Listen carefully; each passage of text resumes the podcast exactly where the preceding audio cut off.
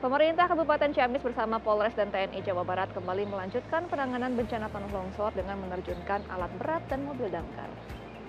Ya, terhitung petugas kembali menerjunkan alat berat dan mobil pemadam kebakaran untuk membersihkan sisa material longsor yang menghalangi badan jalan. Selain jalan raya, petugas juga memperbaiki saluran irigasi. PLN juga menerjunkan tim untuk memperbaiki dan memastikan aliran listrik di desa, di mana sedikitnya 94 kepala keluarga terdampak bencana ini. Penanganan darurat bencana longsor di Desa Sukamaju, Kabupaten Ciamis, Jawa Barat terus dilakukan. Selain mengerahkan alat berat, Pemkot Ciamis juga menerjunkan tenaga kesehatan ke beberapa titik daerah terdampak. Ya, untuk mengetahui perkembangan terkini penanganan di sana, kita bergabung bersama rekan Yosef Trisna langsung di lokasi. Yosef, selamat pagi.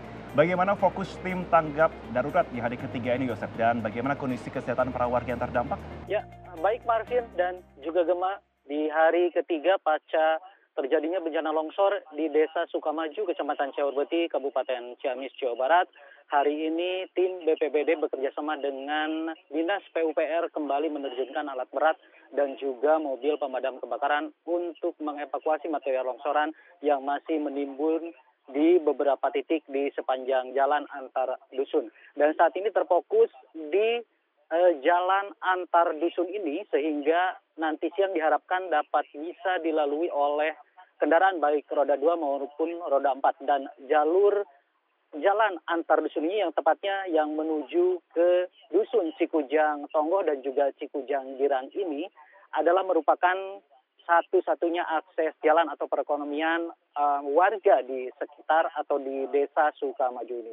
Dan selain itu juga warga kini mulai membersihkan material longsoran maupun juga puing-puing bangunan yang rusak akibat diterjang uh, longsor yang terjadi tiga hari kemarin. Dan warga juga saat ini sudah mulai um, melakukan atau memperbaiki saluran irigasi. Mereka menyambungkan kembali pipa-pipa yang sempat terputus akibat uh, longsor yang terjadi di Desa Sukamaju ini. Dan selain itu juga tim kesehatan dari Dinas Kesehatan juga diterjunkan secara door to door untuk melayani masyarakat. Mereka uh, memeriksa kondisi kesehatan baik uh, secara fisik, psikis terhadap uh, para warga yang terdampak uh, longsor ini, terutama bagi uh, korban yang selamat yakni kedua orang tua uh, korban yang meninggal dunia. Saat ini tim kesehatan fokus untuk uh, melakukan atau mengecek kesehatan para warga yang terdampak ini. Dan mereka mengalami, uh, para warga ini kebanyakan mengalami gejala seperti pusing, mual-mual, dan juga terutama trauma dan depresi yang ringan begitu rapper asal Philadelphia PNB Rock ditembak mati dalam perampokan di Los Angeles Selatan, Amerika Serikat. Laporan media mengatakan rapper yang memiliki nama asli Rakim Allen sedang makan di dalam restoran Roscoe's Chicken and Waffles pada Senin sore waktu setempat dengan pacarnya. Saat sedang menikmati makanannya, seorang tersangka terlihat mendekati meja mereka. Polisi Los Angeles mengonfirmasi rincian penembakan tersebut yang terjadi sekitar pukul 13.15 waktu setempat tetapi tidak mengidentifikasi PNB Rock sebagai korban. Label PNB Rock Atlantic Records mengonfirmasi kematian artisnya pada selasa pagi dan menyebut insiden itu sebagai kehilangan yang tidak masuk akal. Anda kembali sama pagi Indonesia pemirsa, dampak kenaikan harga BBM juga dirasakan oleh para petani terutama terkait distribusi solar bagi peralatan pertanian. Gubernur Jawa Tengah Ganjar Pranowo menyatakan sudah menyiapkan skema insentif untuk diberikan kepada para petani. Saat bertemu dengan para petani di Paguyuban Gapoktan Tani, Suburdi, Desa Tambak Boyo, Kabupaten Semarang, Jawa Tengah, Ganjar menyebutkan skema bantuan yang telah disiapkan berupa pencairan bantuan sebesar 2% dari dana transport umum yang terbagi atas beberapa sasaran penerima. Di antaranya bantuan bagi pengguna alat mesin pertanian kepada lebih dari 2.000 kelompok dengan alokasi sebesar 950 juta 800 ribu rupiah. Subsidi bahan bakar alat pertanian dengan anggaran 34 juta rupiah. Bantuan bagi pengelola RMU berupa solar dengan total anggaran 220 juta rupiah. Dan bantuan bagi pelaku distribusi pangan dengan total anggaran 2,4 miliar rupiah. Ganjar juga menyebutkan telah berkomunikasi dengan Pertamina terkait pola distribusi solar bagi petani di wilayah Jateng. Menurut Ganjar, distribusi dapat diatur jika berdasarkan pada database yang bagus. Untuk itu, Ganjar meminta seluruh kelompok tani dan gabungan kelompok tani mendata anggota mereka beserta kebutuhan yang dibutuhkan. Sulit beli solar. Solar untuk rice mill, solar untuk pompa air pertanian, solar untuk traktor. Ini tiga yang mereka eh, hari ini keluhkan. Maka tadi saya sudah minta ada Pak Kepala Dinas Pertanian Kabupaten didampingi provinsi. Kemarin kami sudah bicara dengan Pertamina. Jadi ya masalah yang sempat diviralkan di publik, di Blora, itu sebenarnya salah satu saja. Contoh yang konkret mereka tidak bisa mengakses. Dan itu butuh izin, butuh rekomendasi dari Dinas Pertanian. Maka saya minta daftar saja. Rice mill, pompa, traktor, kafe butuhnya piro. Nanti kita arahkan pada eh, titik-titik tertentu diakses uh, pelayanan di SPBU-nya. Kalau ini bisa kita atur, database-nya kita bagus, maka surat itu bisa satu rombongan, satu aja kita rekomendasi yang berikut ini. Pok tani ini ngambilnya di sini kuotanya sekian, maka nggak boleh melebihi kuota, sehingga betul-betul bisa terkontrol. Tilang elektronik menggunakan HP atau etle mobile gadget saat ini sedang disosialisasikan di Surabaya, Jawa Timur. Pelanggar akan dikirimi surat verifikasi namun berupa sosialisasi bukan landasan tilang. Nah, bagaimana mekanisme tilang menggunakan HP ini kita bergabung bersama rekan Anwar Fuadi di Surabaya, Jawa Timur. Adi, selamat pagi. Hingga kapan sosialisasi berjalan dan bagaimana mekanisme tilangnya? Ya, selamat pagi Marvin. Nah, kalau kita berbicara penegakan hukum begitu ya terkait dengan para pelanggar lalu lintas, ini berbagai cara dilakukan oleh aparat kepolisian.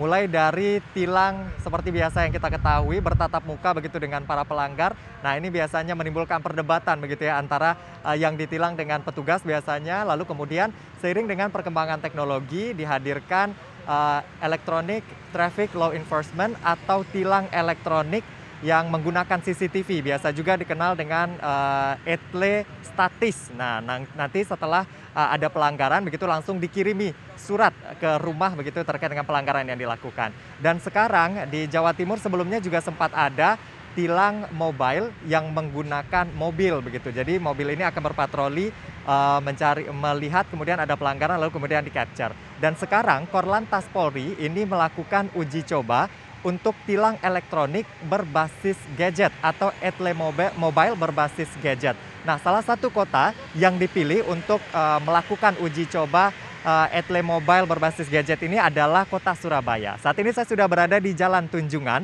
Nah, kita akan ketahui seperti apa sebenarnya uji coba yang berlangsung di Surabaya, mekanismenya seperti apa, dan nanti para pelanggar bagaimana merespon begitu jika mereka menerima surat tilang dari aparat kepolisian. Nah, sekarang di belakang saya ini sudah ada petugas dari Satlantas Polrestabes Surabaya termasuk ada Kasat Lantas dan juga Wakasatnya. Kita akan berbincang begitu ya terkait dengan seperti apa sosialisasi dan uji coba yang dilakukan termasuk mekanisme penggunaan uh, alat ini.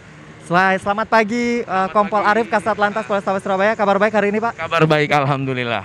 Alhamdulillah baik. Nah, ini kita bicara soal uh, tilang elektronik berbasis gadget begitu gadget. ya. Nah ini kan kalau dari namanya sepertinya lebih fleksibel dibandingkan tilang-tilang yang statis begitu. Tapi sebenarnya kalau dari Polri sendiri, bedanya apa sebenarnya dengan tilang elektronik yang sudah ada selama ini, Pak Arif? Ya. Selama ini kita sudah mengenal ETLE, ya. Electronic Traffic Law Enforcement, yang mana saat ini Korlantas Polri sudah membagi dua kelompok besar, yaitu ETLE statis, ETLE statis yaitu ETLE yang memang di lokasi-lokasi tetap di ruas-ruas jalan ataupun di persimpangan berupa kamera statis.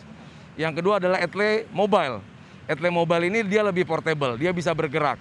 Seperti yang sudah kita kenal sebelumnya, ada etle mobile yang ditaruh di atas mobil, mungkin kita kenal sebagai etle mobile incar dan saat ini kita kenalkan pada masyarakat etle mobile portable, etle mobile gadget. Ya, dia lebih portable sifatnya, lebih handy, lebih mudah dibawa ke mana-mana dan bisa digunakan pada saat masyarakat pada saat petugas melakukan patroli menggunakan sepeda motor, menggunakan mobil, atau bahkan mungkin ketika patroli berjalan kaki. Ini kan uh, Korlantas Polri melakukan uji coba termasuk di kota Surabaya. Kenapa kota Surabaya menjadi salah satu pilihan dari Korlantas ini? Ya ini yang menarik. Kota Surabaya adalah salah satu dari kota-kota besar di Indonesia. Kota terbesar kedua setelah Jakarta. Oleh karena itu Korlantas Polri menunjuk kota Surabaya untuk uh, melakukan riset, uji coba keefektifan dan keefisiensian penggunaan etle mobile uh, gadget seperti ini sehingga pada waktunya nanti dalam waktu dekat tanggal 22 September bertepatan dengan hari ulang tahun lalu lintas hari lalu lintas Bayangkara Bapak Kakor Lantas Polri akan meresmikan penggunaan etle mobile gadget ini secara nasional di seluruh Indonesia. Ratusan orang dengan gangguan jiwa atau ODGJ di Kabupaten Lamongan, Jawa Timur berhasil sembuh melalui pendampingan dari posyandu jiwa yang dibentuk pemerintah Kabupaten Lamongan. Ratusan mantan ODGJ ini selain sembuh juga berubah menjadi tulang punggung keluarga karena banyak yang sudah diterima bekerja. Inilah salah satu kegiatan di Posyandu Jiwa Mekarsari di Desa Bulu Tigo, Kecamatan Laren, Kabupaten Lamongan, Jawa Timur. Selain mendatangkan puluhan ODGJ, kegiatan terapi psikis ini juga mendatangkan ex-ODGJ yang sudah berhasil sembuh dan mampu mewujudkan cita-citanya. Salah satunya Wahyu Prayogi, ex-ODGJ yang menjadi motivator. Ia berbagi tips dan memberikan dorongan semangat bagi para ODGJ yang masih didampingi dokter serta petugas Dinas Sosial Kabupaten Lamongan. Pemuda berumur 25 tahun ini menceritakan kisahnya yang pernah menjadi bagian dari ODGJ yang dipasung lantaran kerap mengamuk. Namun, berkat penanganan dan terapi yang tepat serta pendampingan dari tim dokter, kini Wahyu sudah sembuh. Bahkan diberikan kesempatan kuliah dan berhasil lulus sarjana. Kini Wahyu bekerja menjadi perawat di RSUD Karangkembang, Babat, Lamongan. Wahyu kini menjadi tulang punggung bagi keluarganya untuk mencari nafkah.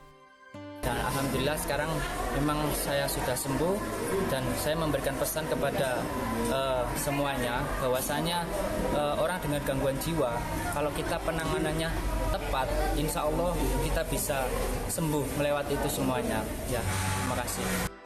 Muhammad Rozim Arista, Koordinator Pendamping Pasung Kabupaten Lamongan mengatakan, sejak berdiri tahun 2014, Posyandu Jiwa ini mampu menyembuhkan 114 ODGJ dari berbagai latar belakang. 114 ODGJ ini hanya tersebar di Kecamatan Laren saja.